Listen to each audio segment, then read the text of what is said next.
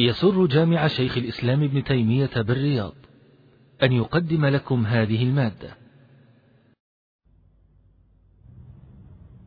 وعن البراء بن عازب رضي الله عنه قال قضى رسول الله صلى الله عليه وسلم أن حفظ الحوائط بالنهار على أهلها وأن حفظ الماشية بالليل على أهلها وأن على أهل الماشية ما أصابت ماشيتهم بالليل. رواه أحمد والأربعة إلا الترمذي وصححه ابن حبان وفي إسناده اختلاف. الحديث حديث جيد وبسبب اختلاف له رواية جام رواية البراء بن عازب رضي الله عنه جاء من رواية البراء بجوة حرام المحيصة حرام عن البراء ولد حرام عن أبيه فمن هذه الجهة جاء الاختلاف سند من البراء آه، ممن روى عن البراء والحديث إسناده جيد مهما يعني اختلف إسناده فإنه جيد ومداره على ثقة. وفيه أنه عليه قضى أن حفظ الحوائط على اهلها بالنهار وأن حفظ المواشي على اهلها بالليل وذلك أن المواشي الغالب تنطلق في النهار فليس على اهلها حفظها بالنهار لأنها تنطلق بالنهار وترى بالنهار أما أهل الحوائط فإنهم في حوائطهم بالليل. وهذا هو الصواب في هذه المسألة. أنه لا أنها تضمن أنها لا تضمن ما أتلفت المواشي بالنهار إنما تضمن ما أتلفت بالليل. ثم أيضا كيف الضمان؟ اختلف العلماء ذهب الجمهور من الفقهاء إلى أن الضمان بالقيمة يقال كم أتلفت هذه الماشية هذا الزرع؟ تضمن القيمة وذهب آخرون إلى أنه يضمن بالمثل وهذا هو الصواب كما قضى به سليمان عليه السلام.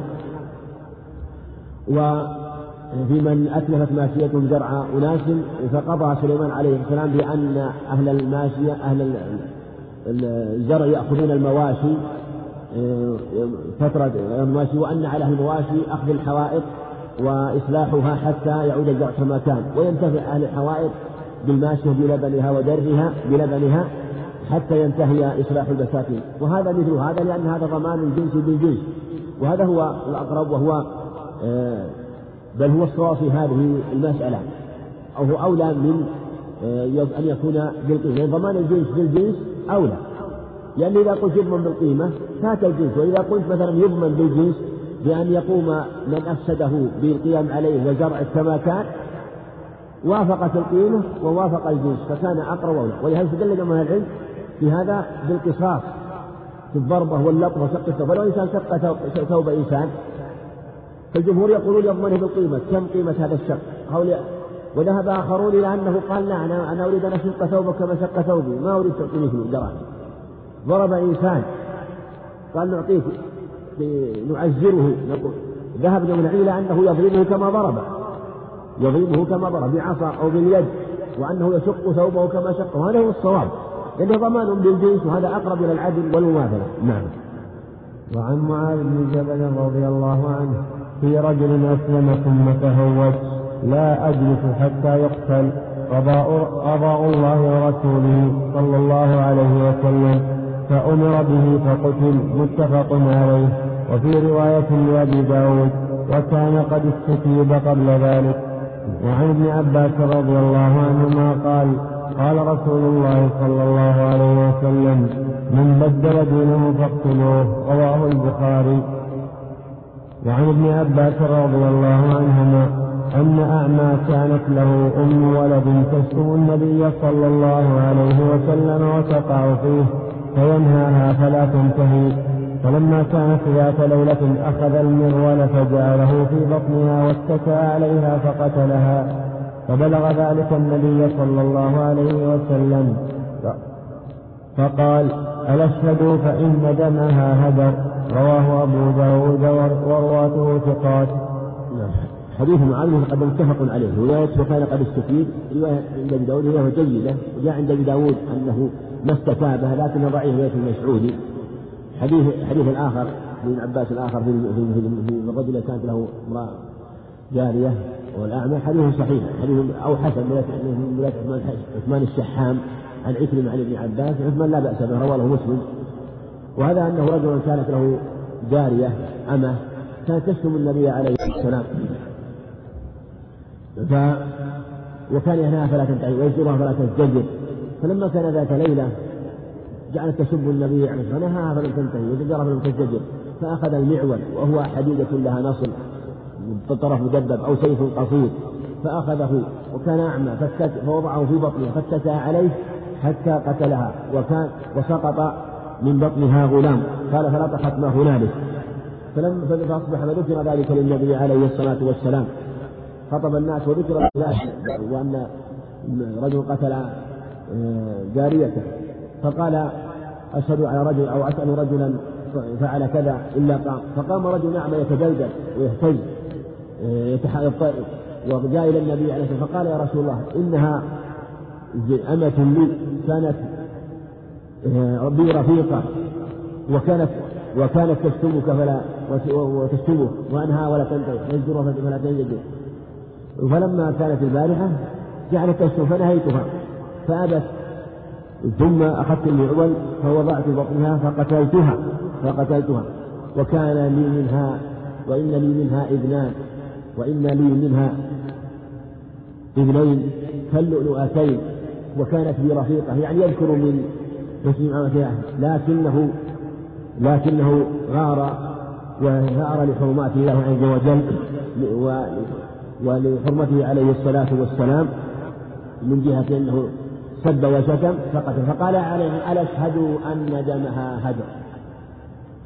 وهذه الأخبار فيها أحكام كثيرة ومسائل شريفة يشير إليها الإجمال.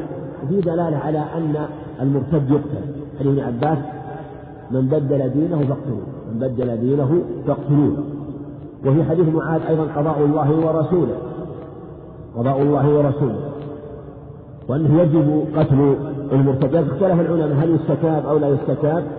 ظاهر هذه أنه يستتاب أظهر. ويقول تعالى الذين تابوا على ذلك وأصلحوا. فإن الله غفور رحيم. فذكر التوبة في حق المرتدين فدل على أنه يستتاب.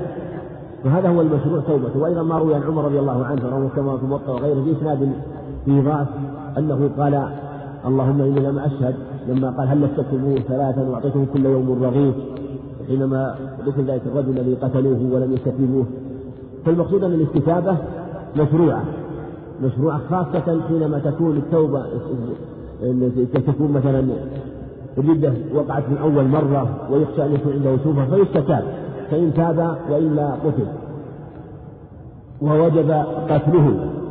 أما إذا كان زنديقا لا تعلم توبته لا تعلم توبته فإن الزنديق في الحق لا تعلم توبته مثل ما تقدم. فلهذا يقتل مطلقا يقتل مطلقا. وحد الردة ذكر العلماء أحكاما كثيرة وذكروا بابا خاصا قالوا باب حكم المرتد. وذكروا فيه أنواع من المكفرات التي يجب فيها أو قتل المرتد بشرطه. وفي هذا الخبر أنه عليه الصلاة والسلام عباس قال لا أشهد أن دمها هدر وفي هذا أن الرجل كان يستتيبها وأهدر النبي صلى الله عليه وسلم. وفعل ذلك الرجل وثأر وقام بحرمته صلوات الله وسلامه. وهذا هو الواجب والله إن هذا هو الواجب. له عليه الصلاة والسلام بأبي هو وأمي أن يكون المسلم حرمة النبي صلى الله عليه وسلم في قلبه هكذا حينما يذكر عنده أو يقع إساءة الله عليه الصلاة والسلام. ويجب القيام بحقه نصرة لدينه ونصرة لشرعه. ومن أعظم الضلال والفساد أن تضيع مثل هذه الحدود وإنها من أعظم الفساد في الأرض. ومن أعظم الفتن في الأرض أن توجد الزندقة والردة. ولا شك أن المسلمون ابتلوا فيها في هذا الزمان من كثير من أهل الزندقة والإلحاد. لكن مثل ما قال ابن عقيل وجماعة مثل ما قال ابن عقيل وجماعة عن كثير من الزنادقة في زمن بعيد في زمن بعيد ممن يلبسون ويظهرون. الزندقة بأثواب مختلفة مات غيرهم. ابن المعدي وأمثاله ابن الراوندي وغيرهم ماتوا كما حمل الجنائز كما حمل غيرهم. وهذا من البلاء العظيم. لكن الواجب من علم شيئا من ذلك هو الإنكار بحسب ذلك والبيان والإبلاغ نصرة لديننا. أسأله سبحانه ولكم التوفيق والسلام. الله إليكم هذا سائل يقول ما هو القول الراجح في الخوارج؟ هل هم كفار أم عصاة؟ وما هو التفصيل في ذلك والله يحفظه. الخوارج أولا ينبغي أن الخوارج هم الذين يكفرون يقول الزاني كافر، شارب الخمر كافر، الكاذب كافر، المرتاب كافر وما هذا هم الخوارج. أما الحكم اختلف العلماء ذهب جمهور الفقهاء والعلماء إلى أنه ليسوا بكفار وهو المشهور عن علي رضي الله عنه قال من الكفر فروا قال إخواننا بغوا علينا كما روى محمد بن نصر مروج بإسناد صحيح. هذا هو عن علي رضي الله عنه. ذهب جمهور العلم إلى إلى أنهم كفار. واستدلوا بالأدلة التي جاءت أنه قال تمرق مارقة الحين فرقة المسلمين. ثم أنهم لم يتعلقوا من الإسلام بشيء سبق الفرث والدم وأنه يعني مثل مثل السهم الذي ترمى به البهيمة بشدة نفوذه خرج ولم يصبه لا دم لا من دمها ولا فرثها كذلك هو لم يتعلق بالإسلام بشيء هذا هو يعني قول جمع من أهل العلم في هذه المسألة وكان يقدره شيخنا الشيخ بن باز رحمه الله على على البخاري يقدر هذا مرارا رحمه الله من جهة الأخبار وظواهر الأخبار. لكن جمهور العلماء وجمهور المحدثين وجمهور الفقهاء وهو المنقول عن علي رضي الله عنه. ولم ينكروا أحد أنهم أنهم لم يكن يكفرهم ولهذا قال من الكفر فر من الكفر فر. نعم. أحسن الله إليكم. وهذا يقول من هم البغاة ومن هم المحاربين ومن هم الخوارج وكيف يفرق بينهم؟ مثل ما تقدم. مثل ما تقدم. البغاة هم الذين أنهم الذين لهم قوة ولهم جماعة ولهم نفوذ. يخرجون على الناس ولا يمكن إلا أن يقاتلوا. هؤلاء هم البغاة ويخرجون بتأويل سائر. يخرجون فإذا فهو بشرطين. إن كان لهم تأويل سائر مع القوة والغلبة بكثرة جماعتهم وقوة سلاحهم آه، فبهذا هم البغاة. أما إذا كانوا خرجوا بغير تأويل أو خرجوا بتأويل أو خرجوا مثلا بتأويل لكنهم قوم قليل لا عدة لا منعة لهم ولا قوة فهؤلاء حكم حكم المحاربين أما إن وأما إن كانوا لهم قوة وخرجوا وكان لهم تأويل سائغ يقبل فإنهم حكم فإن حكمهم حكم البغاة والمحاربون هم الذين يخرجون على الناس بقصد الإفساد ولقصد قتالهم. وأيضا قالوا حتى ولو كان هنالك تأويل إذا لم يكن قوة ومنعة. والله أعلم وصلى الله وسلم وبارك على نبينا محمد.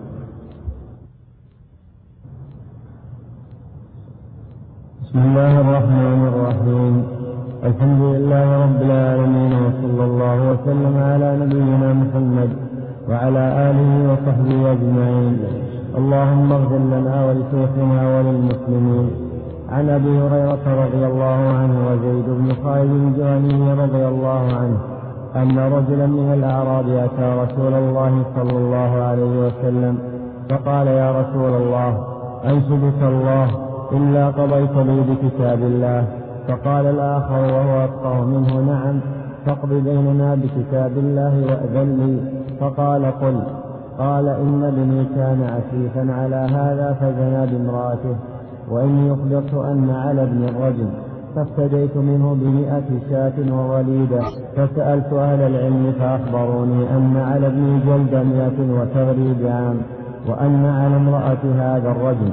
فقال رسول الله صلى الله عليه وسلم والذي نفسي بيده لأقضين بينكما بكتاب الله الوليدة والغنم رد عليك وعلى ابنك جلد مئة وتغريب عام واغد يا أنيس إلى امرأة هذا فإن اعترفت فارجمها. متفق عليه وهذا اللفظ لمسلم. الحمد لله رب العالمين والصلاة والسلام على نبينا محمد وعلى أصحابه وأتباعه بإحسان يوم الدين. كتاب الحدود. الحدود جمع حد والحدود المراد بها من كلام الفقهاء الحدود المقدرة التي جاءت في كتاب السنة كحد الزنا وحد القذف. وكذلك ما كان فيها قطع قطع يد السارق والمحارب قطع المحارب وما أشبه ذلك على تخصيص المحاربين.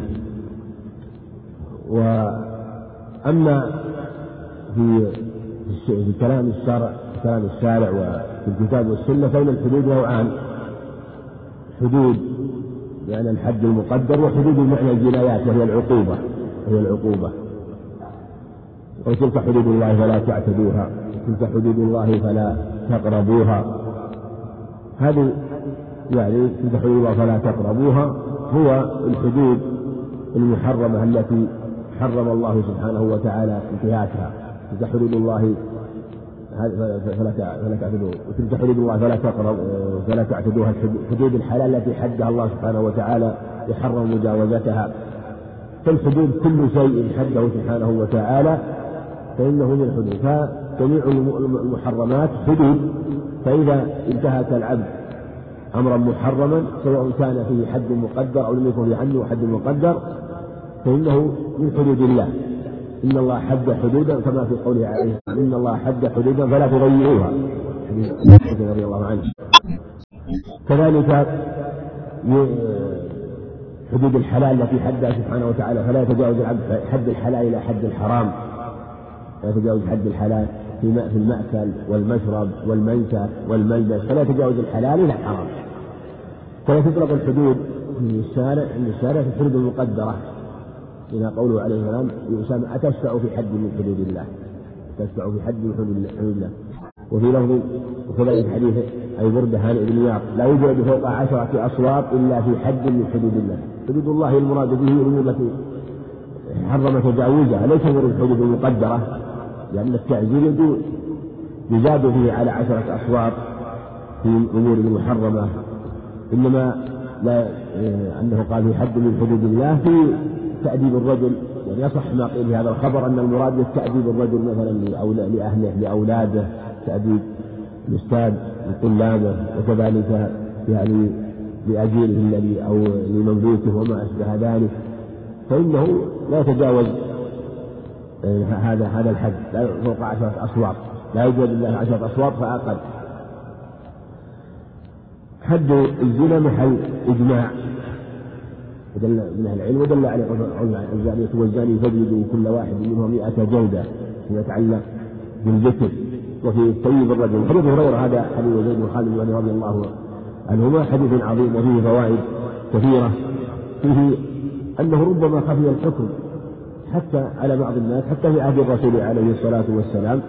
ولهذا وقع ما وقع في هذه المسألة. وفيه أن أن أن النزاع أن النزاع إذا وقع فإن الذي يحصل هو كتاب الله وسنة رسوله عليه, الصلاة والسلام. وما اختلفتم فيه شيء فحكمه إلى الله. إن تنازعتم في فردوا إلى الله والرسول. هذا هو الرد في حال النزاع. الرد إلى كتاب الله والرد إلى سنته عليه الصلاة والسلام. إليه في حياته وإلى سنته بعد وفاته. وفيه أن قال كان عسيفا العسيف هو الأجير. وزنه ومعنى لأنه يعسفه على العمل الذي يريد أن يعمله. وفيه أنه عند الخلاف يرجع إلى أهل العلم. ولهذا قال ذلك الرجل قال فسألت أهل العلم فأخبروه. لما حصل المقالة فسألهم في هذه المسألة لما وقع الزنا الزنا مع تلك المرأة في ابنه مع امرأة ذلك الرجل فأخبروه أن على ابنه جلد مئة وتغريب عام لأنه بكر وفيه أيضا أنه عليه الصلاة والسلام له أقسم قال والذي في الأقل بينكم بكتاب الله. لا بأس أن يقسم الأمر على الأمر الحق خاصة حينما يكون المسألة فيها نزاع ويكون فيها وتكون أمرا مفصولا واضحا لا إشكال فيه. فيقسم المرء على الحق وعلى قول الحق تعظيما لحكم الله ولكتاب الله ولسنة رسوله عليه الصلاة والسلام. وفيه أنه لا يجوز أخذ المال في هذه في حكم الله وأنه لا يجوز وأنه من الرشوة المحرمة ومن السحت والمال الحرام أخذ المال في إسقاط الحدود وأنه لا يجوز. إنما في بعض الأحوال خاصة حينما يحصل شيء من هذا وتكون حدود لم تصل إلى أهل الولاية ففي هذه فلا بأس. أما إذا بلغت الحدود سلطان فلعن الله الشافع والمشفع وجاء عنه عليه السلام عدة أخبار في هذا الباب وأنه إذا بلغ بلغه حد فإنه ينفذ ويقام هذه الحدود. والمقدرة التي يجب إقامته. فلهذا أقسم عليه الصلاة والسلام ومعطل هذه هذا الصلح وقال إنه رد يعني رد مردود. من قوله عليه الصلاة والسلام من عمل عملا ليس عليه أمرنا فهو رد. وفي قوله واغضي أنيس إلى امرأة هذا فإن اعترفت فارجمها. متفق. أنيس وليس من الضحاك الأسلمي. عين أنس بن مالك هذا أسلم وأنس أنصاري ليس من الضحاك الأسلمي. وفيه أنه حينما ادعى على الإنسان أمر الأمور أنه يسأل. ولهذا أرسل إليها عليه الصلاة والسلام فإن اعترف. في دلالة لقول جد من العلم أنه لا يشترط في الإقرار بالزنا لاعتراف أربعا. وأن يكفي الإقرار مرة وهذا لها أدلة كثيرة وهذا هو الصواب وإن خالف فيه من خالف. أن يكفي الإقرار مرة. من جهة أنه عليه الصلاة والسلام قال فإن اعترفت فارجمها. فإن اعترفت فارجمها. وأما سيأتي شيء من مزيد البيان في آه، حديث في هذا الباب حديث أبي هريرة الآتي إن شاء الله. نعم. وعن عبادة بن الصامت رضي الله عنه قال قال رسول الله صلى الله عليه وسلم خذوا عني خذوا عني فقد جعل الله لهم سبيلا. البكر بالبكر جلد مئة ونفي سنة والطيب بالطيب جلد مئة والرجم رواه مسلم. وفي هذا حديث عبادة رواه مسلم كما ذكر المصنف رحمه الله. وفي هذا بيان لهذا الحكم. ونسق لما كان قبل ذلك. قال تعالى واللاتي يأتين فاحشة من نسائكم فاشهدوا عليهن أربعة منكم. فإن شهدوا فأمسكوهن في البيوت حتى يتوفاهن الموت أو يجعل الله لهن سبيلا. هذا هو السبيل. بين سبحانه يعني بين النبي عليه الصلاة والسلام. الحكم في حديث عبادة بن الصامت رضي الله عنه. وأن الحكم يختلف من جهة الذكر والسيد وأن الذكر جلد مئة ونهي سنة وأن على السيد الرجل وأن على السيد الرجل كما آه، في هذا الخبر. وفي حديث بعد بن الصامت هذا أيضا زيادة الجلد زيادة الجلد في حق السيد كما هو في حق الذكر. أما في قوله الذكر بالذكر جلد مئة فهذا خرج إما على الأغلب وإلا فإن الذكر يجلد سواء زنى سواء وقع الزنا مثلا مع في أو مع ذكر كذلك السيد الذكر آه، تجلد المرأة إذا إذا زنت سواء كان مع ذكر أم ثيب هذا هو الحكم فالذكر جلد مئة ولا في سنة والسيد الرجل. لكن اختلف في الجلد يعني عبادة أنه ذكر الجلد ذكر الجلد والأظهر والله أعلم أنه لا يجمع بين الجلد والرجل لا يجمع بينهما هذا هو الأظهر وإن كان في لبعض العلم في هذه المسألة. لا يجمع بينهم لأنه في في عدة قصص النبي عليه الصلاة والسلام في قصة ماعز وقصة اليهوديين وقصة المرأة الجهنية وهي الغامدية أنه عليه السلام لم يجمع بين الجلد والرجل بل اكتفى بالرجل عليه الصلاة والسلام. من حديث عبادة فالأمر أنه كان قبل ذلك كان متقدم. كان متقدم ويدل عليه أنه حينما نزلت هذه الآية يعني نزل حينما نزلت الآية ثم جاءت الأحكام بعد ذلك فتقررت أنه في حق السيد يكون الرجل وفي حق البشر يكون الجلد مع النفي الجلد مع النفي والنفي نفي سنة. نفي سنة وهذا خاص بما يظهر في الرجل. عند جل من العلم ودون المرأة كما هو مذهب مالك وجماعة لم يترتب في حق المرأة طلب المحرم وما أشبه ذلك. ومنهم من قال إذا أمكن نفيها فإنها توفى أو تحبس. وذهب آخرون إلى أنه مخصص مخصص من جهة أنها آه، أنها ملعون مخصص بالأدلة الأخرى الدالة على أنه آه، يعني لا يجبر غيره أن يكون معها وربما وهي تحتاج إلى محرم وربما ترتب على نفيها على نفيها شيء من الشر والفساد فالمقصود أنه الأمر يتحقق في حق الرجل دون المرأة كما تقدم. نعم. وعن أبي هريرة رضي الله عنه قال أتى رجل من المسلمين رسول الله صلى الله عليه وسلم وهو في المسجد فناداه فقال يا رسول الله إني جنيت فأعرض عنه فتنحى تلقاء وجهه فقال يا رسول الله إني جنيت فأعرض عنه حتى تنى ذلك عليه أربع مرات. فلما شهد على نفسه أربع شهادات دعاه رسول الله صلى الله عليه وسلم. فقال أبك جنون قال لا. قال فهل أختمت قال نعم. فقال النبي صلى الله عليه وسلم. قال فهل نعم. قال لا. قال فهل قال لا. عندك؟ نعم. قال أبك جنون قال لا. فقال بك جنون. قال لا. قال فهل أحسنت؟ أحسنت أحسنت. قال فهل أحسنت؟ قال نعم. فقال النبي صلى الله عليه وسلم اذهبوا به فارجموه متفق عليه. لا حد نعم وعن ابن عباس نعم. وعن ابن عباس رضي الله عنهما قال لما لما أتى ماعز بن مالك إلى النبي صلى الله عليه وسلم قال له لعلك قبلت أو غمزت أو نظرت؟ قال لا يا رسول الله. رواه البخاري. نعم حديث أبي هريرة فيه أنه عليه الصلاة والسلام لما جاءه ماعز رضي الله عنه جعل يسأله لعل كذا وأنه تنحى عنه إذا ما تنحى عنه عن عن وجهه من هنا ومن هنا تنحى عنه فصار يأتيه من هنا ومن هذا الجانب. يعني أنه جاء نادما تائبا رضي الله عنه حتى ثنى على نفسه أربع مرات. في في حديث ماعز هذا. في لفظ أنه مرتين وفي لفظ أنه ثلاث مرات وفي لفظ أنه اعترف مرتين في مجلس ومرتين في مجلس فاختلف فيه. فلهذا كان اعترافه هذا والتكرار عليه لأن النبي عليه الصلاة والسلام شك فيه. قال لعلك وقال في لفظ قال استنكروه يعني لعل شرب الخمر. دلالة على أنه إذا شك في أمر الرجل أو المرأة يستثبت. ويكرر عليه الإقرار أكثر من مرة. يكرر عليه الإقرار أكثر من مرة. أما إذا كان لا أنه لم يحصل شك من ذلك وإن وأن الأمر واضح وبين في هذه الحالة يكفي. يكفي الإقرار مرة واحدة لكن عند الشك وعند ورود شيء من اللبس فلا فلا فالواجب هو التثبت كما كما أمر النبي عليه السلام التثبت في أمره وكما سأله واجتهد في سؤاله والبحث عن حاله حتى تبين أنه بصحة من عقله وصحة من إدراكه وأنه لا شيء فيه. ثم بعد ذلك قام عليه الحد عليه الصلاة والسلام وقال اذهبوا به فارجموه وهذا أيضا دليل لما سبق أنه يكفي الرجل. دليل ما سبق. لأن النبي قال اذهبوا يعني يعني قد يؤخذ من, من هذا الخبر من الفعل من نفس إقامة الحد أنه لم يذكر فيه جلد وأيضا من قوله عليه الصلاة والسلام اذهبوا به فارجموه.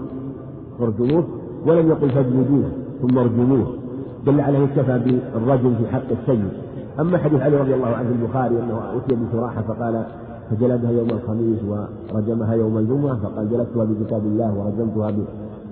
ورجمتها بسنة رسول الله عليه السلام فهذا لا دلالة فيه لأنه من فعله رضي الله عنه ولم يرفعه إلى النبي عليه الصلاة والسلام وكتاب الله جاء بالجلد والسنة جاءت بالرجل والجلد بينهما يحتاج إلى دليل وهو كان في أول الأمر كما تقدم ثم استقر على الجلد والنفي للذكر والرجل للتيمين الحديث الحديث الثاني عند البخاري قال لعلك لعلك غمزت لعلك قبلت حتى صرح له عليه الصلاة والسلام في عدة أخبار قال حتى غاب ذاك منك في ذاك منها.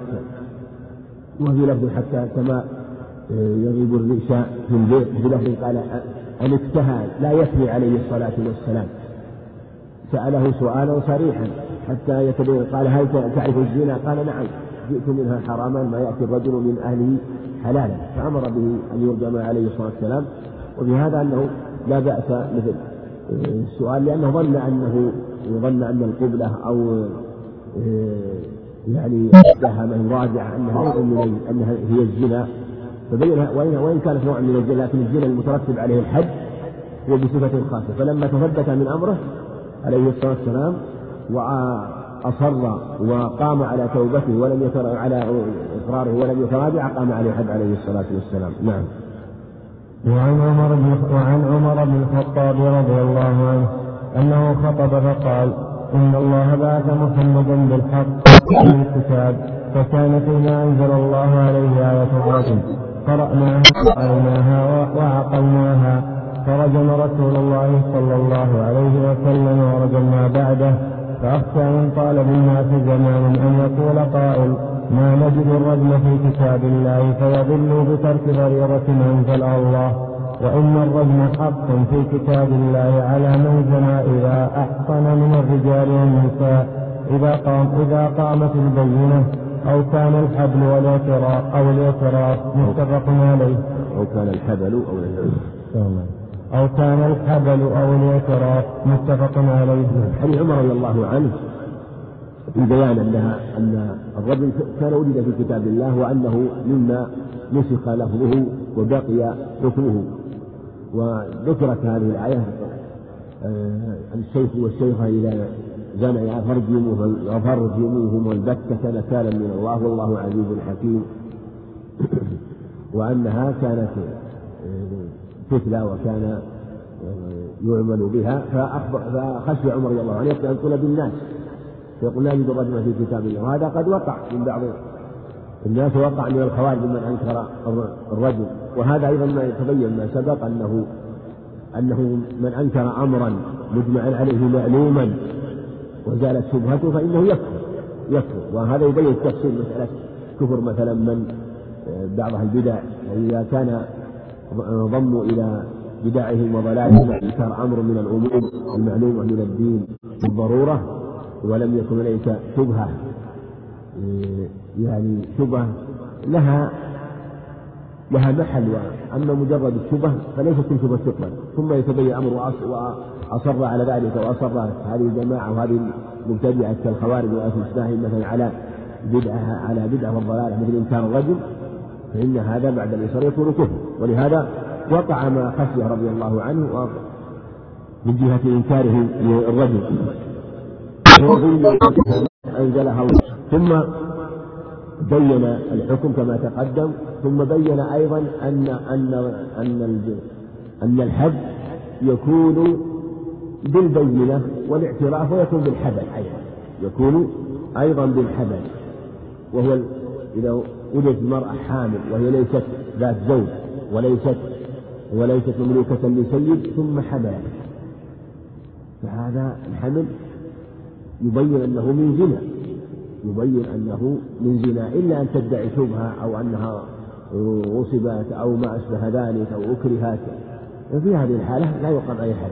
لكن لو وجد الحبل ولم تدعي شيئا من ذلك وإن كان الجمهور أنهم يقولون لا تقام لا يقام الحد إلا بالبينة والاعتراف. والصحيح أنه إذا وجد الحبل ولم تدعي أمرا آخر يدفع عنها فالصواب أنه يقام عليها الحد. وهذا واضح بين وقال عمر رضي الله عنه في مشهد من الصحابة وهذا على الصحيح مثل ما لو إنسان تقيأ الخمر تقيأ الخمر فإنه يقام عليه حد ولو لم يعترف ولو لم يشهد عليه بشربها كما وقع عبد الله في قصة البخاري من حديث الله بن مسعود أنه ذلك الرجل يتقيأ الخمر عنده أو وجدت منه كان يقرأ في سورة يوسف فقال رجل عنده ما هكذا أنزلت؟ فالتفت إليه فتبين وظهرت منه رائحة الخمر اعترض لأنه كان مخمور. ثم قال تعترض على كتاب الله وأنت مخمور أو أو تنكر كتاب كتاب الله وتشرب المسكر أو نحو من ذلك. ثم أمر به فأقيم عليه حد شرب الخمر. و وإن كان لم يعترف بوجود الرائحة وهو قول جيد في بعض أهل العلم. نعم. وعن أبي هريرة رضي الله عنه قال سمعت رسول الله صلى الله عليه وسلم يقول إذا زنت أمة أحدكم فتبين زناها فقع الحد ولا يثرب عليها ثم زنت فليجلد الحد ولا يثرب عليها ثم إن زنت الثالثة فتبين زناها فليبعها ولو, ولو بحبل من شعر متفق عليه وهذا لفظ مسلم. نعم حديث أبي هريرة رضي الله عنه في زنا الأمة وأنها إذا زنت فتبين زناها فليقم عليها الحد لكن لا يثرب عليها. هذا جمع من العلم أنه له أن يقيم الحد على أن السيد له أن يقيم الحد على مملوكيه له يقيم الحد على مملوكيه خاصة إذا كان الحد جلدا فإنه يقيمه عليه. أما إذا كان قطعا فذكره بشروط ولم يجيزوه وجوز بعضهم لكن الذي ورد في حد الجلد ولهذا قال ولا يفرق عليها يعني لا يعيرها في اللفظ الآخر لا يعنفها يعني لا يسبها ولا يشتمها لأن الحد كفارة والحد مطهرة من الذنب فإذا حصلت التوبة أيضا فإنه مطهر آخر. وفي هذا الخبر الذي أمر يعمل على الثالثة. في لفظ آخر بعد الرابع عند مسلم وقد جاء عند أحمد بسند أيضا جيد بسند صحيح. وفي هذا أنه يقيم عليها الحد. ولا يفرد عليها ولا يعيرها وقد جاء عنه عليه الصلاة والسلام في عدة أخبار أنه أقام الحد على شارب الخمر ثم قال لا تعينوا الشيطان على أخيكم لا تعينوا الشيطان. لما سبه رجل نهاهم عليه الصلاة والسلام وقال لا تعينوا الشيطان على أخيكم. الجلد وإقامة حد الجلد في شرب الخمر مثلا في اختلاف عند جميع العلم أنه ليس فيه حد إنما فيه تعذير وكذلك حد الزنا حد الزنا في الأمة إذا أقامه فإنه لا وفي الحر للرجال والنساء لا يجوز الزيادة على ذلك بالتعيير والتفريغ وما أشبه لأن هذه ربما يدعوه إلى الزيادة والتمادي فيه ولذا قال ولا تعينوا الشيطان على أخيكم في الحديث السابق ولهذا قال لا يفرد عليها وهذا لا ينافي النصح والكلام الطيب بعد ذلك وقبل ذلك. نعم. وعن علي رضي الله عنه قال قال رسول الله صلى الله عليه وسلم أقيموا الحدود على ما ملكت أيمانكم. رواه أبو داود وهو في مسلم موقوف. نعم حديث عند أبي داود من طريق عبد عبد الأعلى بن عامر الثعلبي وفيه ضعف. وعند في مسلم موقوف على علي رضي الله عنه أنه آه، قال أقيموا الحدود على رقائكم من أحسن منهم ومن لم يحسن. يعني سواء يعني كان محصنا أو لم يحصن. وهذا وهذا واضح من جهة وجود إقامة الحد. لكن اختلف هل إقامة الحد تعزير أو أنه يقام عليها الحد. بنفس الحد الجلد مطلقا سواء كانت محصنة متزوجة أو محصن متزوج مطلقا. وهذا هو قول الجمهور وأن الحد على الأمة والمملوك على النص كما قال فإن أتى بفاحشة فعليهن نصف ما على المحصنات من العذاب. والذي في كتاب الله يتنصف هو الجلد وهو خمسون جلدة. فالمملوك يجلد خمسون جلدة سواء كان امرأة أم رجل آه، سواء كان محصنا أم ليس بمحصن. ولا يقال حد الرجل لأن حد الرجل لا يتنصف. وقاله جمع عليه يروى عن بعض السلف أنهم قالوا يقام الحد يروى عن جماعة أبي ثور لكن الجمهور على هذا بها بظاهر الآية ولأنه لم يأتي ذكر إقامة الجلد الرجل إلا على وجه الترك في الحد وهو الجلد وهو الذي يتنصف كما تقدم. نعم عن عمران. وعن عمران بن حسين رضي الله عنه أن امرأة من جهينة أتت النبي صلى الله عليه وسلم وهي حبلى من الزنا فقالت يا نبي الله أصبت حدا فأقمه علي. فدعا نبي الله صلى الله عليه وسلم وليها فقال أحسن إليها فإذا وضعت تأتني بها ففعل فأمر بها فسكت ثيابها ثم أمر بها فرجمت ثم صلى عليها.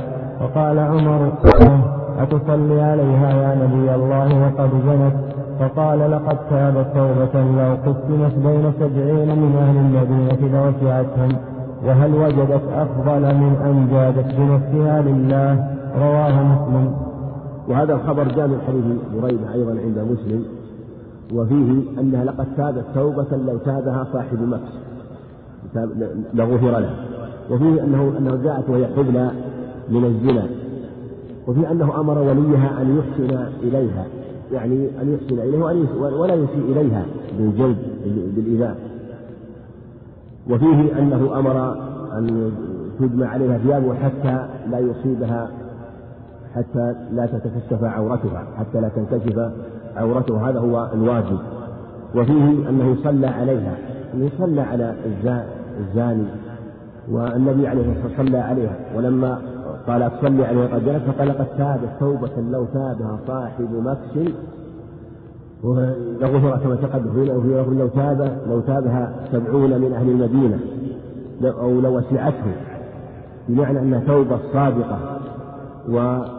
وفي هذا أيضا كما تقدم أنه أنه أنه قال وجاءت وهي حبلى من الزنا أنها حبلى من الزنا واعترفت وكأنها رأت أن الأمر يتطلب منها الاعتراف والإخبار بالأمر فجاءت وأمر النبي عليه الصلاة والسلام بإقامة الحج عليها ولهذا أمر بها فرجمت وجمعه الجلد فدل على ما تقدم أنه لا يجوز الجمع بين الجلد مع الرجل آه، كما تقدم في الأحاديث في رجله عليه الصلاة والسلام في بعض الزناة ولم يجلدهم. نعم. وعن جابر بن عبد الله رضي الله عنهما قال رجم النبي صلى الله عليه وسلم رجلا من أسلم ورجل ورجلا من اليهود وامرأة رواه مسلم. وقصة اليهودين وقصة اليهوديين في الصحيحين من حديث ابن عمر رضي عنهما. كذلك أيضا في هذا الخبر أنه عليه رجمهما. ولم يذكر الجلد وفيه أنه رجم اليهوديين. وكذلك في حديث ابن عمر أنه رجم اليهوديين. بدلالة على أن الحد يقام على اليهود وعلى النصارى وأنه ليس من شرط الإحصان الإسلام على الصحيح كما مذهب مالك والجماعة فلو زنى اليهودي أو اليهودية فإنه يقام عليه الحد. إن كان سيدا فإنه يرجم وإن كان ذكرا فإنه يجلد. وأنه ليس من شرط الإحصان ليس الإسلام شرطا ليس الإسلام شرطا في الإحصان. والنبي عليه السلام قال إني أول من يقيم الحد إذ أماتوه فأقامه عليه الصلاة والسلام. وأن الواجب هو الحكم بكتاب الله وأن حكم التوراة كان موافقا لحكم كتاب الله فأقامه عليه السلام وبين في حديث ابن عمر أنهم جحدوه وأن القارئ جاء وقرأ التوراة وأراد أن يخفي آية الرجل وأنهم اعترفوا بذلك وأنه كان بينهم وأنهم جعلوا حدا يقيمونه على الشريف والوضيع فأنكر النبي ذلك وأقام الحد عليه آه، كما تقدم. وهذا هو الواجب إذا جاءوا فإنه يحكم عليهم بكتاب الله وبشريعة الله ولا يجوز الحكم غير ذلك لكن وافق ما عندهم ما في كتاب الله فلهذا أقامه النبي عليه الصلاة والسلام. نعم. وعن سعيد بن سعد بن عبادة رضي الله عنهما قال كان في أبياتنا رويجل ضعيف فخبث بأمة من إمائهم فذكر ذلك سعد لرسول الله صلى الله عليه وسلم فقال اضربوه حده. فقالوا يا رسول الله إنه أضعف من ذلك. فقال خذوا عكالا فيه مئة سمرة ثم اضربوه به ضربة واحدة ففعلوا. رواه أحمد والنسائي وابن ماجه وإسناده حسن لكن اختلف في وصله وإرساله. حديث سعيد هذا سعيد بن سعيد وعن الصحابي سعيد رضي الله عنه. حديث جيد جمع الطرق وجمعية الإمام بن سعيد الحديث وهو مرسل. لكنه جيد بعض طرقهم جيد بنفسه. وفيه ذلك الرجل الذي زنى بامرأة وأنه رجل ضعيف ضعيف البدن خبث بها يعني جاءت ودخلت عليه أمر فحس لها فزنى بها. فأمر النبي عليه الصلاة والسلام بجلده مئة جلدة فقال إنه ضعيف لا يتحمل ولو حملناه إليك لتفسخت عظامه. فقال عليه خذوا سمراه وهو العز العز العز السمراخ والعبد والنخلة. فاضربوه به. دل على أنه لا أنه لا يؤخر الحد على من كان على المريض الذي يعني كان لا يرجى برؤه. في هذا إذا كان لا يرجى برؤه فإنه لا يؤخر الحد والواجب إقامة الحد عليه. الواجب إقامة الحد عليه وأنه لا يؤخر وأنه يؤخذ شمراخ العبد أو العبد الذي في مئة في وأن يضرب به ضربة واحدة. ولا يشترط أن تأتي جميع الشماريخ وأنها تصيب بدنه لأن هذا ليس معتاد الشماريخ أن تكون على صف واحد بل يضرب ضربة واحدة ويكفي كما أمر النبي عليه الصلاة والسلام. لكن إن كان يرجى برؤه فإنه يخف فإنه ينتظر حتى يشفى من مرضه أو كان مثلا في زمن حر أو برد فإنه ينتظر حتى يذهب الحر والبرد.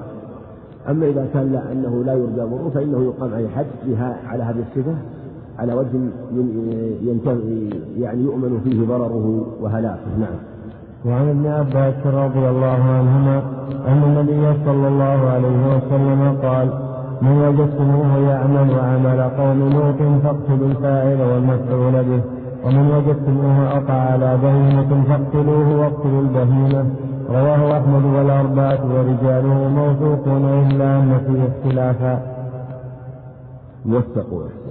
موثقون ورجاله موثقون إلا أن فيه اختلافا. نعم حديث ابن عباس في من اختلف فيه رواية عمرو بن أبي عمرو واختلف في ثبوته. كثير أنكر هذا الخبر.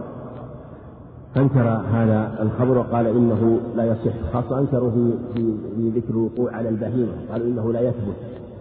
وجاء أيضا عند أبي داود بن عباس أنه من أتى بهيمة فإنه لا حد عليه يعني تعزيز. وقالوا وقال أبو داود وجماعة أن هذا يضعف هذا الخبر.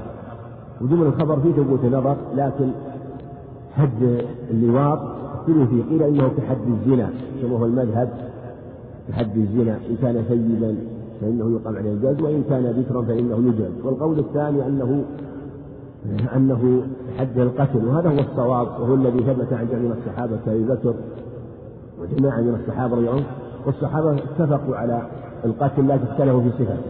وحكى بعضهم الاتفاق عنهم لكن اختلفوا في صفته. هل يرمى من على شاهر هل يردم بالحجارة؟ أو ما أشبه ذلك؟ أو يقتل قتلا آه، يعني بالسيف؟ فاختلفوا. ولهذا كان الصواب أنه إقامة الحد على الفاعل والمفعول به وأن هذا هو اتفاق الصحابة رضي الله عنهم. وهذا الحديث يؤيد هذا القول الذي نقل عن عن عن الصحابة رضي الله عنهم. لكن فيه النكارة من جهة ذكر البهيمة وفي أنها تقتل. وإن ثبت هذا الخبر كأنه والله أعلم لأنه إذا بقيت قد تلد يعني ولدا مشوه قد تلد يعني ولدا مشوها هذه تحمل به ويكون مشوها وقد أيضا إذا بقيت مثلا تعرف إذا خاصة إذا عرف من فعل بها فعل بها فلان فيكون في فيها بقى هذه الشنعة وهذه الجريمة فلهذا أمر بقتلها. وإذا قتلت فقالوا إنها لا تؤكل لأن القاعدة أن ما أمر بقتله فإنه ما لا يؤكل كما أنه ما نهي عن قتله فإنه لا يؤكل نعم. وعن ابن عمر رضي الله عنهما أن النبي صلى الله عليه وسلم ضرب وغرب وأن أبا بكر ضرب وغرب وأن عمر رضي الله عنهما رضي الله عنه ضرب وغرب رواه الترمذي ورجاله ثقات إلا أنه اختلف في رفعه ووقفه.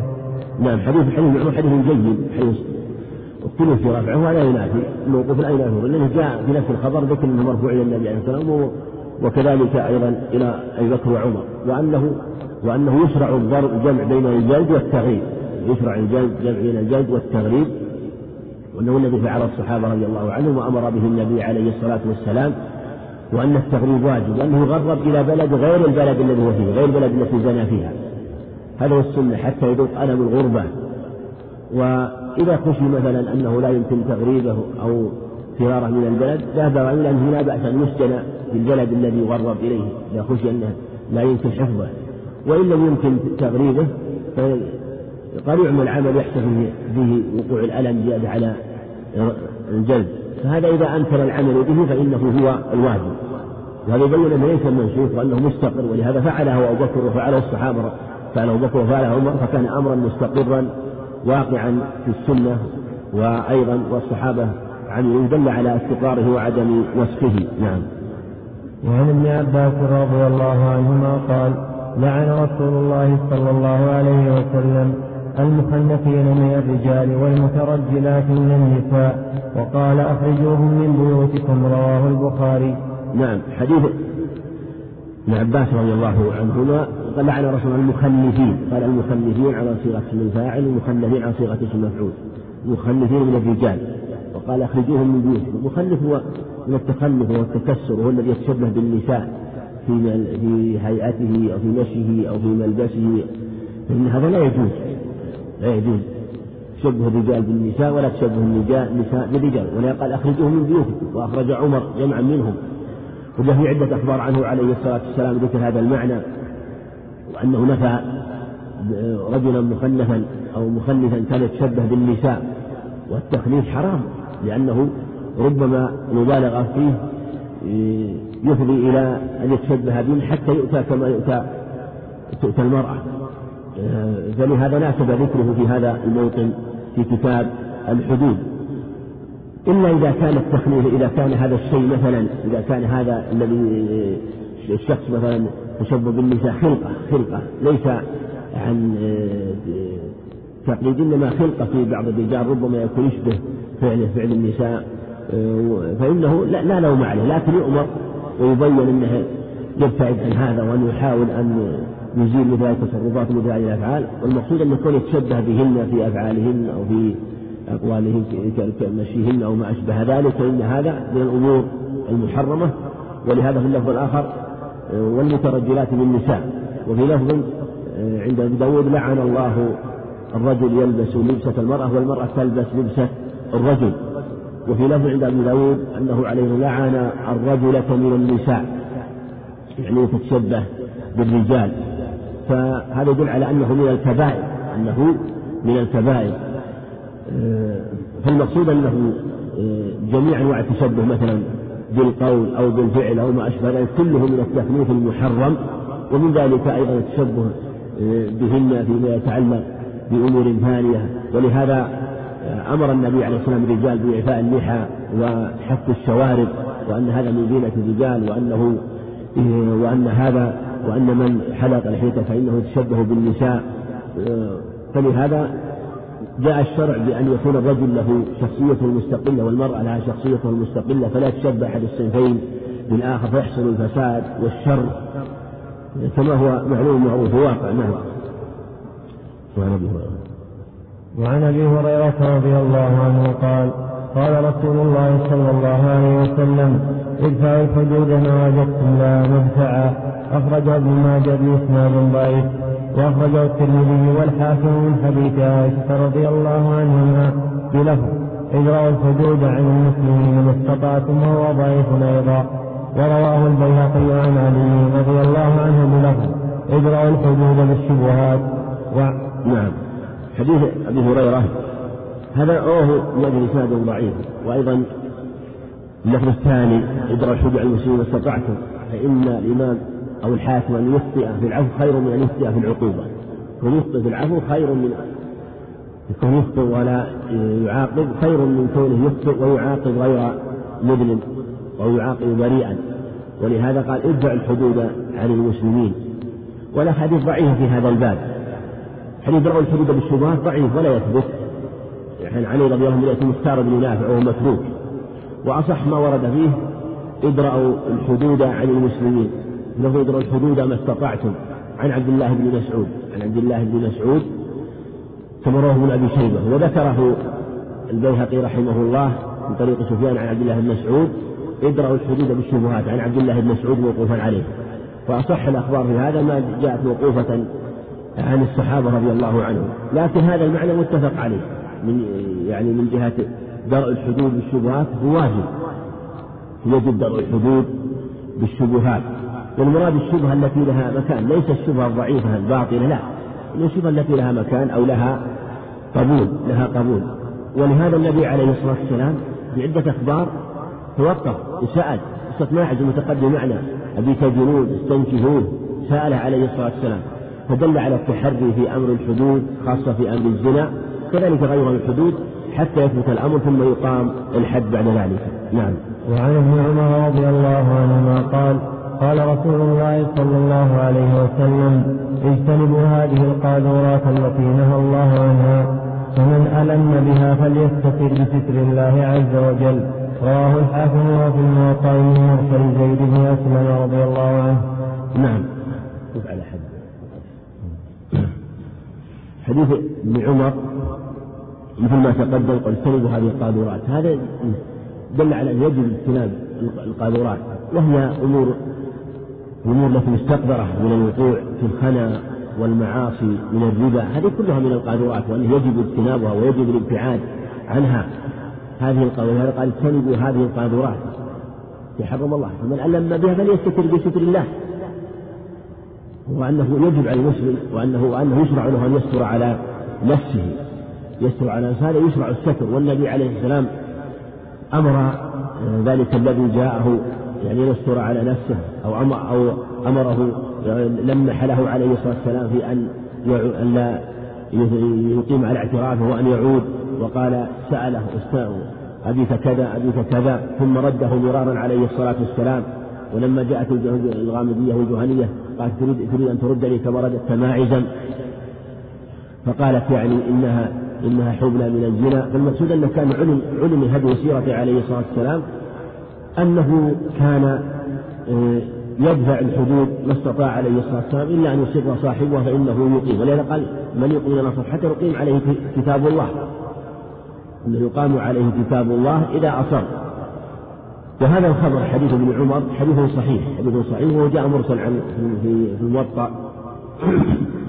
جاء مرسلا في الموطأ من مراسي زيد بن أسلم. وجاء أيضا متصلا بذكر ابن عمر وهو جاء في الطحاوي بسند عند الطحاوي بسند جيد وجاء عند غير الطحاوي وعند الحاكم كما هنا. فجاء له طرق فالحديث حديث صحيح بالنظر إلى وبعض طرقه جيد كما تقدم دل على مشروعية الستر كذلك يشرع للمسلم أن يستر على أخيه. يشرع لك أن تستر على أخيك. ولا آه، تفضحه. إلا إذا كان الشخص مستهترا آه، متعدد الحرمات وأنه وقع من هذا مرارا وتكرارا وأصر وكان في وكان في تركه فساد وشر فإن هذا لا يترك إنما يكون المسلم يستر على نفسه وكذلك تستر على أخيك لو وقع من هنة مرة أو مرتين فهذا يشرع الستر عليه. فإنه سبب في رجوعه وتوبته وندمه والله أعلم.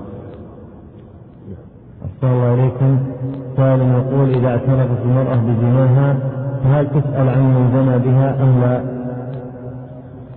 لا لا تسأل عن من زنى بها لأن إذا زنى إذا سئلت عن من زنى بها قذفته هذا لا يجوز لأن إذا قيل فلان زان الزاني فإنه يدعى فإذا أنكر فإنها تكون قائمة يحتاج إلى إثبات الحد إثبات الحد بشهود أربعة فيقال تأتي يعني تأتي مثلا بالحد بالشهادة الدالة على الإثبات.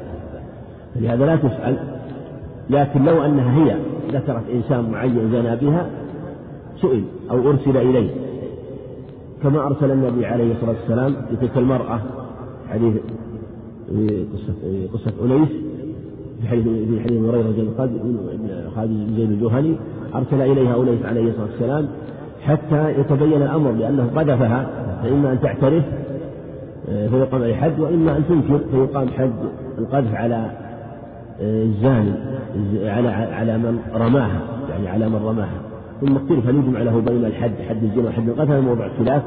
ورجاح ابن عباس أنه جمع أنه جمع بينهما عليه كما كما رواه ابو داود وغيره نعم. أحسن الله إليكم هذا يقول إذا حبلت المرأة ثم وضعت فهل يقام الحد بعد وضعها مباشرة أم ينتظر بها حتى ترضع ولدها حولين؟ هذا الأظهر أنه ينتظر بها حتى تقوم عليه وترضعه حتى ترضعه وحتى يعني يأكل الطعام مثل ما جاء في حديث تلك المرأة في حديث بريدة رضي الله عنه كما تقدم كما حديث عمران بن حصين وأنه عليه السلام أمر أمرها أن تذهب وأن ترضعه في اللفظ الثاني أنه قام الحد عليه عليه السلام مباشرة وأنه جاء رجل وقال علي فطابه يا رسول الله فإذا جاء إنسان وتكفل به وتكفل بالقيام عليه وبطعامه وتكفل به فلا بأس من إقامة الحد عليها إذا أنكر على وجه لا يحصل الضرر بها لا يقع عليه حد مثلا وهي نفساء لأنه ربما ضرها فحتى تتماثل كما في حديث علي رضي الله عنه أنه لم يقم ذلك الحد على تلك الأمر حتى تماثلت بالشفاء وأنها وجدها يعني في نفاسها فقال النبي أحسنت فهذا هو الواجب. نعم. أحسن الله إليكم وهذا يقول عند بيع الأمة التي وقعت نوار في الزنا هل يبين هل يبين عيبها أن فيها كذا وكذا أم لا؟ لا لا يبين. مثل ما قال عليه فقال فليبيعها ولو بحبل من شعر. ولم يذكر أنه يبين عليه الصلاة والسلام.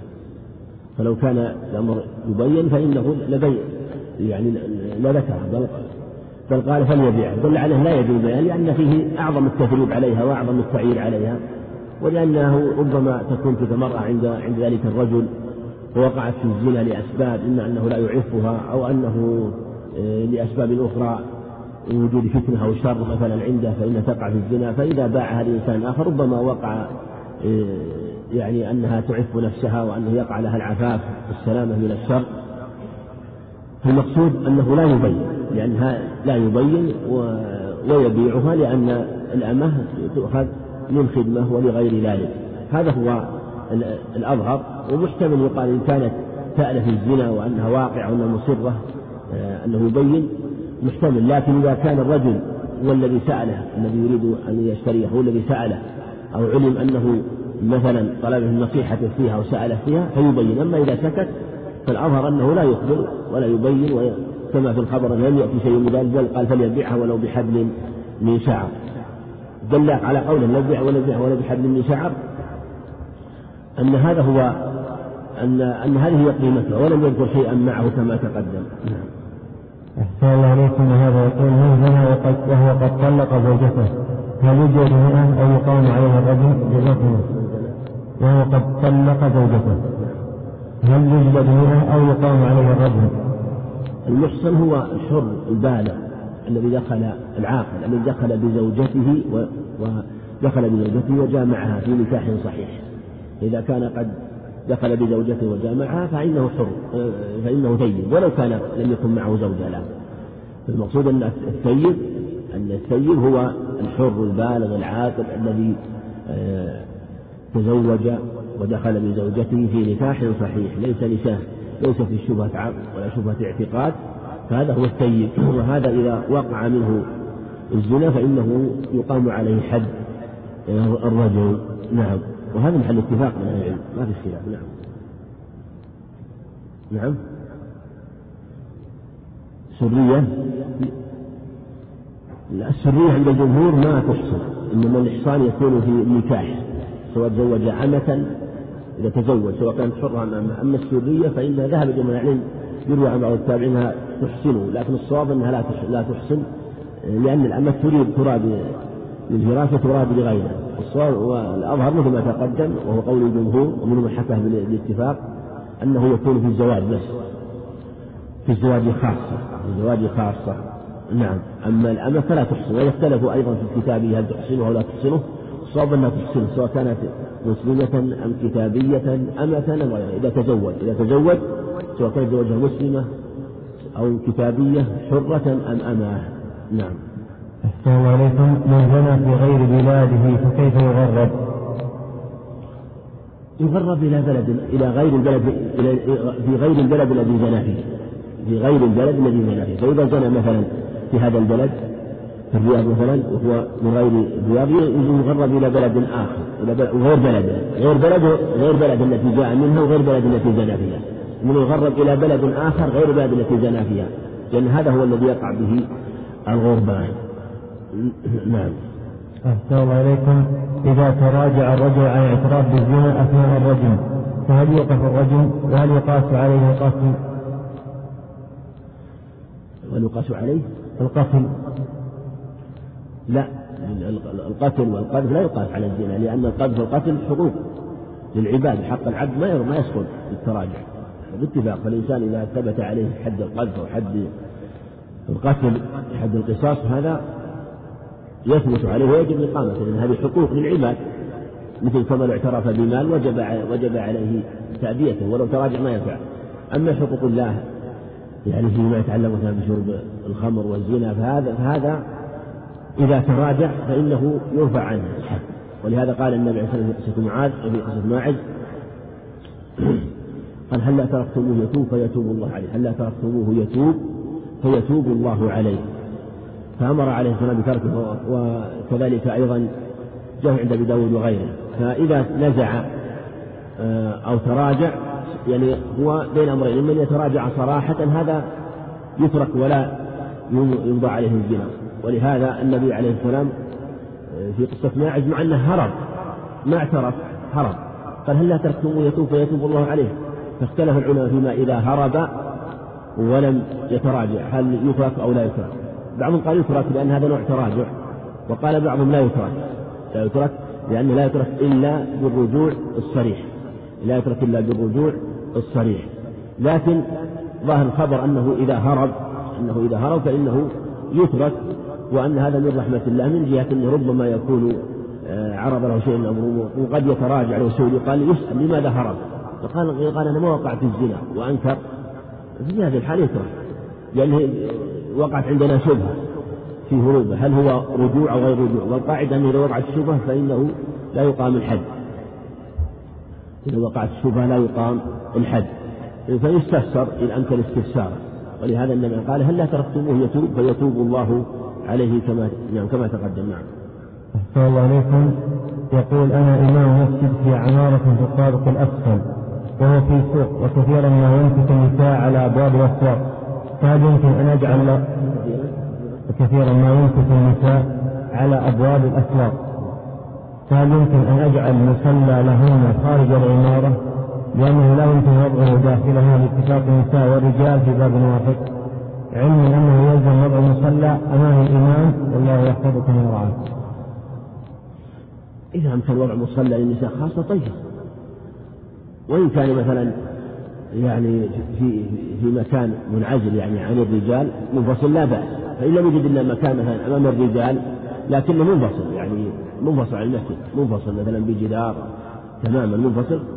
يجوز التقدم للحاجة. فإذا كان مثلا وجودهن في هذا المكان في ضرر وربما يحصل فتنة وشر بوقوفهن في الأسواق وانتظارهن وأراد أن يضع لهن مكان يصلين فيه حتى لا تفوت الصلاة عليهن فيشرع فيشرع مثل هذا فلا بأس أن يقيم.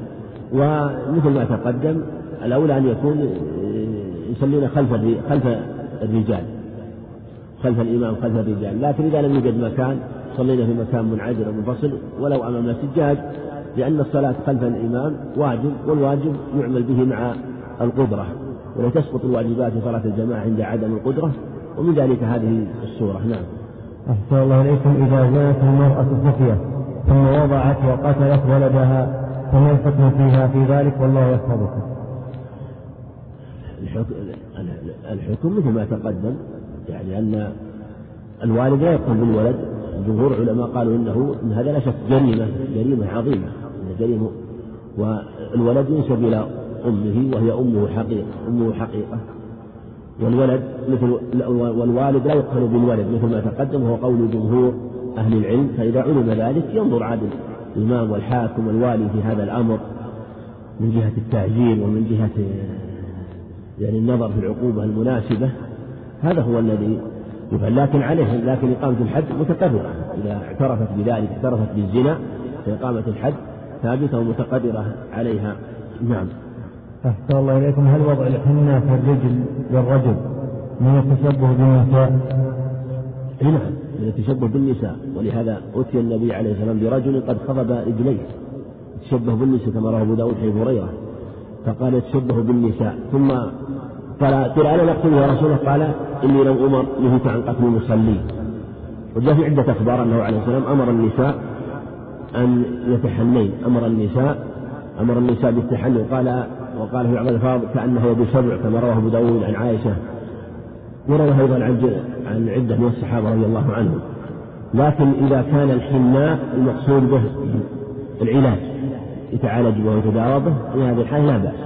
باب العلاج والتداوي فإنه لا بأس وضع العلاج. التداوي وعند التداوي فلا بأس به لأنه حادث. وفي هذه الحادثة يكون أمر آه، يعني تزول يزول التحريم في مثل هذا. ولهذا يجوز كشف العورة وإن كان العلاج يعني ليس واجبا يجوز كشف العورة لأجل العلاج ويجوز تداوي الرجل عند المرأة إذا لم يجد الرجل الذي يعالجه. نعم. أحسن الله إليكم. إذا رؤي رجل خرج من بيته ومعه امرأة أجنبية إذا رؤي رجل خرج من بيته رؤي رؤي. رجل خرج من بيته ومعه امرأة أجنبية. وليس في البيت إلا هو وقد علم من حاله أنه يفعل ذلك مرارا. فما العمل به وماذا يجب على من رآه مع العلم أنه علم أنه رآه. إذا إذا رؤي الرجل مع امرأة أجنبية فإنه لا لا يقر لا يقر لكن يعني في مثل هذه الحالة في مثل هذه الحالة ينبغي التثبت في أمره مثلا ينبغي التثبت في أمره وإقامة يعني وإقامة ما يلزم من التعزير فيه ورفع أمره إلى الجهات المسؤولة. وإذا اعترف مثلا بشيء من ذلك فإنه فإنه يقام عليه. ولكن لا يشدد عليه خاصة إذا كان أول مرة يقع من هذا الشيء إذا كان هذا الشيء يقع من أول مرة. ولم يكن من عادته ولا ديدن هذا الفعل إنما وقع منه أول مرة.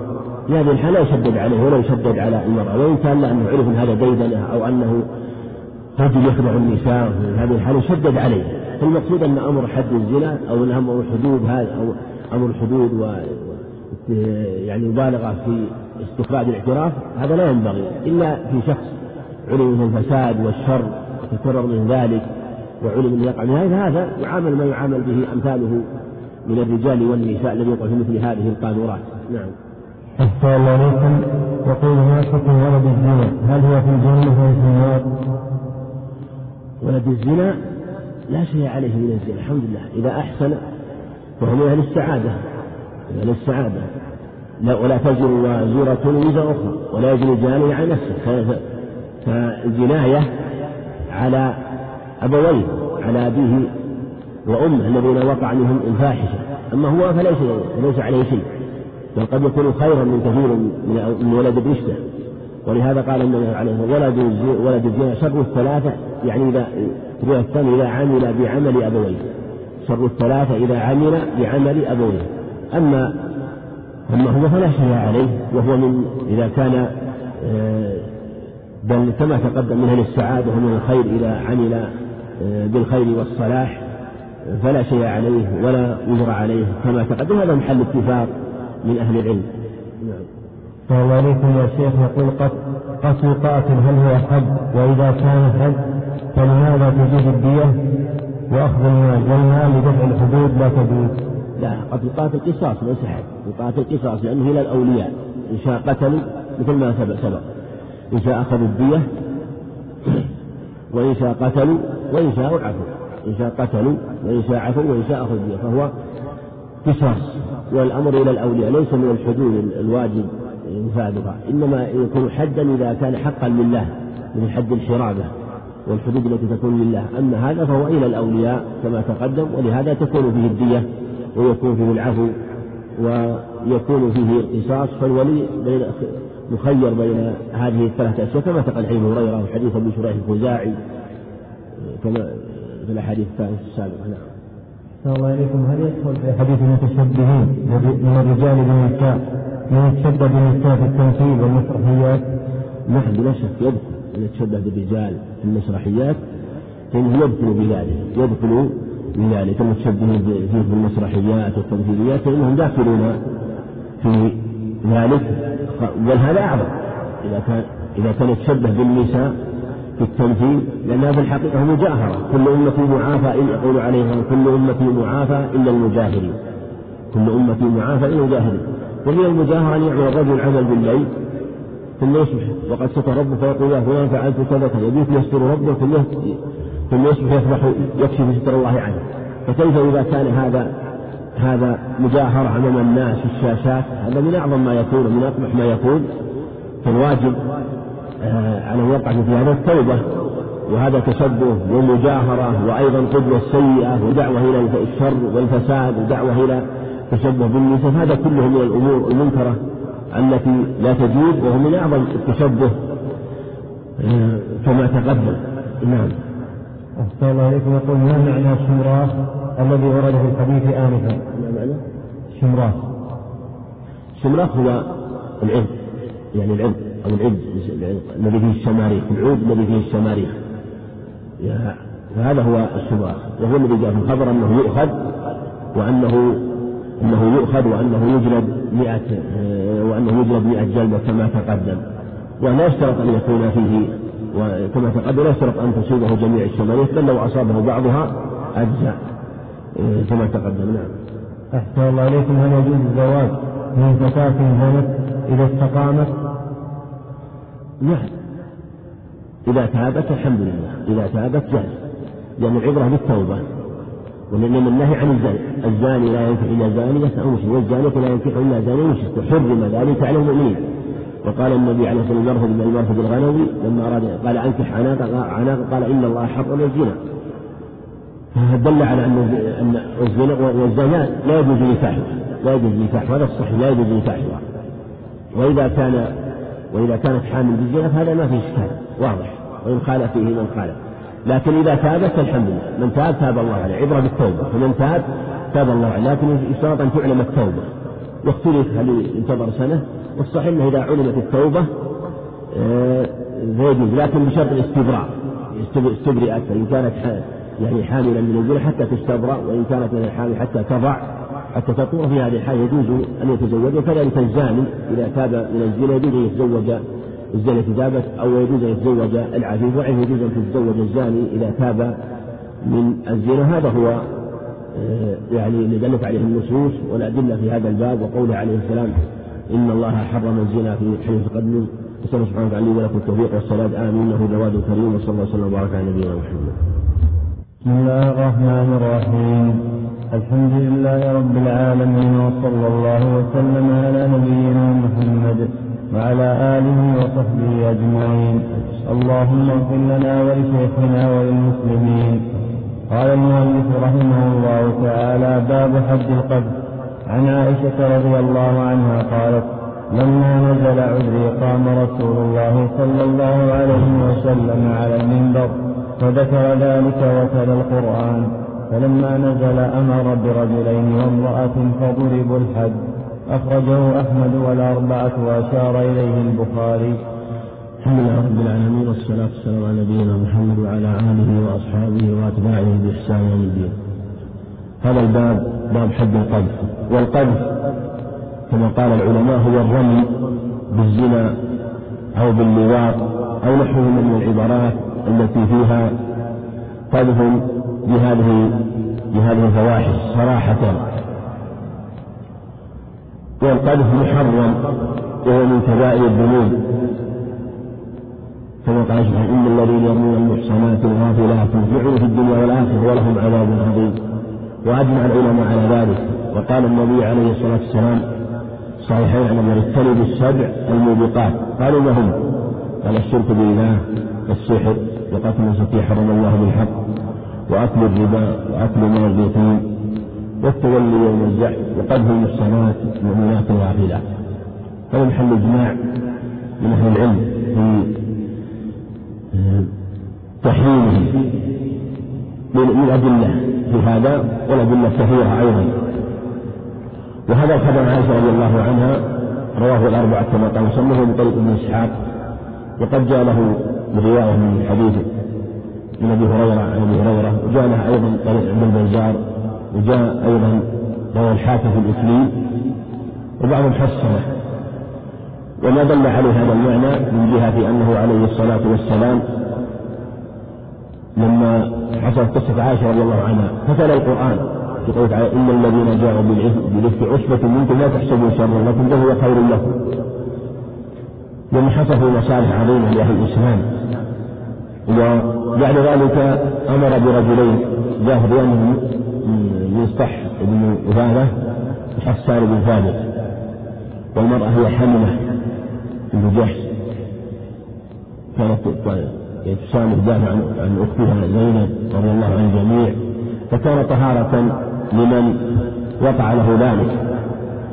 قال فضربوا الحد. وفي هذا إقامة الحد على من وقع في مثل هذا. كما قال والذين إن الذين والذين المحسنات ثم لم يأتوا بأربعة شهداء فاجلدوا ثمانين جلدة ولا تقبلوا لهم شهادة وإذا أولئك فاسقون. فهذا هو حد الحد. وهو بإجماع أهل العلم. لكن اختلفوا هل هو يجب بالمطالبة أو يكفي بمجرد القتل محل خلاف بين العلم ولا يسمعوا لا بد من مطالبة المقلوب فإلا لا لا يقام إلا به. فإن يطالب فلا يقام. نعم. وعن انس بن مالك رضي الله عنه قال أول لعان كان في الإسلام أن الشريك بن سحماء قذفه هلال بن أمية بامرأته فقال له النبي صلى الله عليه وسلم البينة وإلا فحد في ظهرك.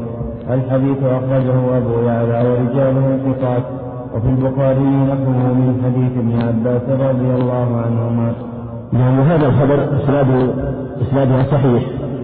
وقد رواه النسائي أيضا قد رواه النسائي فكان العزو إليه أولى وكأن ذكر رحمه الله لذكر قوله كان أول لعان كان أول لعان لأجل هذه اللفظة وإلا فهو في البخاري كما ذكر المصنف رحمه الله هو في البخاري لكن بدون ذكر قوله أول لعان لأنه قذف امرأته بشريك ابن سحمان بن أمية قذف امرأته بشريك ابن سحمان وفي هذا إشارة إلى أن الآيات نزلت في شريك ابن سحمان يقول الذين يرمون أزواجهم ولم يكن لهم شهداء الا انفسهم شهداء احد أربع شهداء بالله انه لمن الصادقين. والخامسة أن لعنة الله عليه كان من الكاذبين. ودعوا عنه عذابا تشهد أربع أربع شهادات إنه لمن الكاذبين. والخامسة أن غضب الله عليه كان من الصادقين. اختلف هل فيه في شريك في هلال بن أمية وقيل إنه نزلت وفي غيره وتوافق أن سأل عنها الجميع على خلاف المقصود ذكره الأولى في هذا. لكن مثل ما قال المصنف رحمه الله قال البينة إلا حد في ظهره البينة. معنى أنه الواجب بينة وإلا حد. ثم نزلت الآيات فخصت فخصت الزوج من, من سائر القذفة وأنه إن لم يأتي بالبينة فإن قذفه وشهادته تقوم مقام البينة شهادة أربع شهادات تقوم مقام البينة كل شهادة بمثابة كل يمين بمثابة الشهر. حينما أربع شهادات يشهد. أنه صادق فيما رمى به امرأته. فلهذا آه، له مخلص من هذا من جهة أن الأمر يختلف في حق الرجل مع امرأته. فيما إذا كان الرمي لزوجة بخلاف ما إذا كان الرمي لأجل فالحكم متقابل أنه البينة بالشهود وإلا فالحد كما قال عليه الصلاة والسلام. نعم. وعن عبد الله بن عامر بن ربيعة قال لقد أدركت أبا بكر وعمر وعثمان رضي الله عنهم ومن بعدهم فلم أرهم يضربون المملوك في القذف إلا أربعين. رواه مالك رواه مالك والثوري في جامعه. وعن أبي هريرة رضي الله عنه قال قال رسول الله صلى الله عليه وسلم من قذف مملوكه يقام عليه الحد يوم القيامة إلا أن يكون كما قال متفق عليه. حديث عبد الله بن عامر ربيع هذا لا بأس به وفيه إشارة إلى أن المملوك إذا قذف أن حده على النصف من الحر وهو قول جمهور العلماء قول جمهور العلماء. واستدلوا بهذا الأثر عن عبد الله بن عامر ربيعة أنه ذكر أنه فعل أنه فعله أبو بكر وعمر وعثمان رضي الله عن الجميع. ومن بعدهم أيضا وأيضا الحديث الذي بعده أنه يؤيده ذلك أن من قذف مملوكه يقام عليه حد يوم القيامة. من جهة أنه إذا قذف من جهة أنه إذا قذف فإنه لسيده لا يقام عليه حد إلا على نقصه عن الحر كذلك إذا قذف غيره فإنه لا يكون قسم حكم الحر بل على النصف. وقال تعالى فإن أتينا بفاحشة فعليه نصف وعليه نصف ما على المحصنات من عباد. في الزنا فإذا كانت في باب الزنا في هذا الحكم كذلك في باب القذف. وقال إن هذا في الأمة فيلحق فيها بها الحر الرجل الرقيق ويكون الحكم سار في القذف من باب القياس الواضح الصحيح. هذا موضع نظر لكن يتقوى بأن الفعل أنه روي عن الصحابة رضي الله عنهم عبد الله بن عامر بن ربيعة وجماعة من الصحابة أنه واحد جمع من الصحابة. وكذلك أثر أبو هريرة في هذا الباب. يؤيد قول الجمهور في هذا المعنى ويدل على أن الحكم في الرقيق في الإحكام مختلف الحر وإن كان الأصل أن الحر أن المملوك داخل في العلومات والخطابات الشرعية هذا هو الأصل. داخل في الخطابات الشرعية لكن آه، إذا جاء نص خاص واضح أو استنباط يعني في شيء من البعوث فإنه يعمل به كما تقدم في بعض المسائل. نعم. باب حج السرقة. عن عائشة رضي الله عنها قالت قال رسول الله صلى الله عليه وسلم لا تقطع يد سارق إلا في ربع دينار فصاعدا متفق عليه واللفظ لمسلم. ولفظ البخاري تقطع يد السارق في ربع دينار فصاعدا وفي رواية لأحمد اقطع في ربع دينار ولا تقطع فيما هو أدنى من ذلك. نعم وعن ابن عمر رضي الله عنهما أن النبي صلى الله عليه وسلم قطع في مجن ثمنه ثلاثة دراهم متفق عليه. هذا من حد السرقة والسرقة هو أخذ المال بسفه على وجه خاص من حرز وأن يبلغ النصاب. وثبت في الأخبار أنه عليه الصلاة والسلام قال لا تقطع اليد السارق إلا في ربع دينار فصاعدا. وفي اللفظ الآخر اقطعوا في ربع دينار ولا تقطعوا فيما دون ذلك عند أحمد. وفي حديث عمر أنه قطع في مجن ثمنه ثلاثة دراهم. اختلف العلماء والسرقة معلوم محرم محرم ولا تجوز و آه، يترتب الأحكام المتعلقة عليها من جهة أنه أخذ لمال الغير. لكن تختلف كما سيأتي عن النهبة وعن الاختلاس وعن الخيانة. فإذا سرق هذا القدر فإنه تقطع يده بشروطه التي ذكرها أهل العلم. ومن ذلك هذا القدر وأنه يكون ربع بأن يكون المشروط ربع دينار والدينار كم قدر الدينار؟ الدينار كم قدره من آه، من غرام؟ كم قدر الدينار؟ نعم لا بالغرامات كم؟ أربع غرامات كم؟ غرامات ربع ولا لا؟ أربع الدينار أربع غرامات ربع على هذا ربع الدينار كم يصير؟ نعم. نعم. غرام وربع وربع الربع. غرام وربع الربع. فعلى هذا من سرق مثلا غرام من الذهب؟ نعم. وربع ربع غرام. فإنه ماذا يجب عليه؟ القطع. يقيم مثلا كم يساوي يعني هذا إذا سرق من الذهب إذا سرق من الذهب إذا جعلنا مثلا إذا جعلنا مثلا النصاب هو الذهب إذا جعلنا النصاب هو الذهب نعم على هذا لو إنسان مثلا سرق كتاب سرق كتاب متى نقطعه إذا بلغ كم؟ نعم إذا بلغ قيمة كم؟ ربع دينار وربع وربع الربع وربع الربع ولو سرق مثلا متاع أو سرق مثلا دراهم ريالات مثلا مثلا قدرها قدر قدر غرام من الذهب وربع ربع ربع غرام ربع ربع غرام طيب ومن الفضة كم؟ ثلاثة دراهم الدرهم كم غرام؟ الدرهم كم غرام الدرهم؟ نعم. الدرهم سبعة أعشار الدينار يعني سبعة من عشرة سبعة أعشار الدينار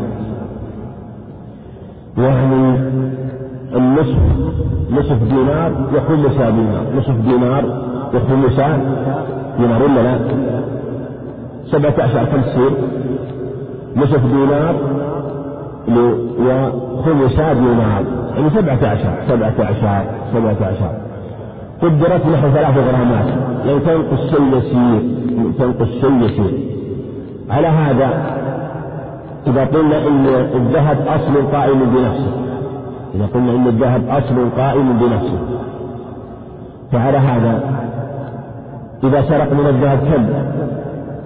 فيقطع. إذا بلغ كم من غرامات؟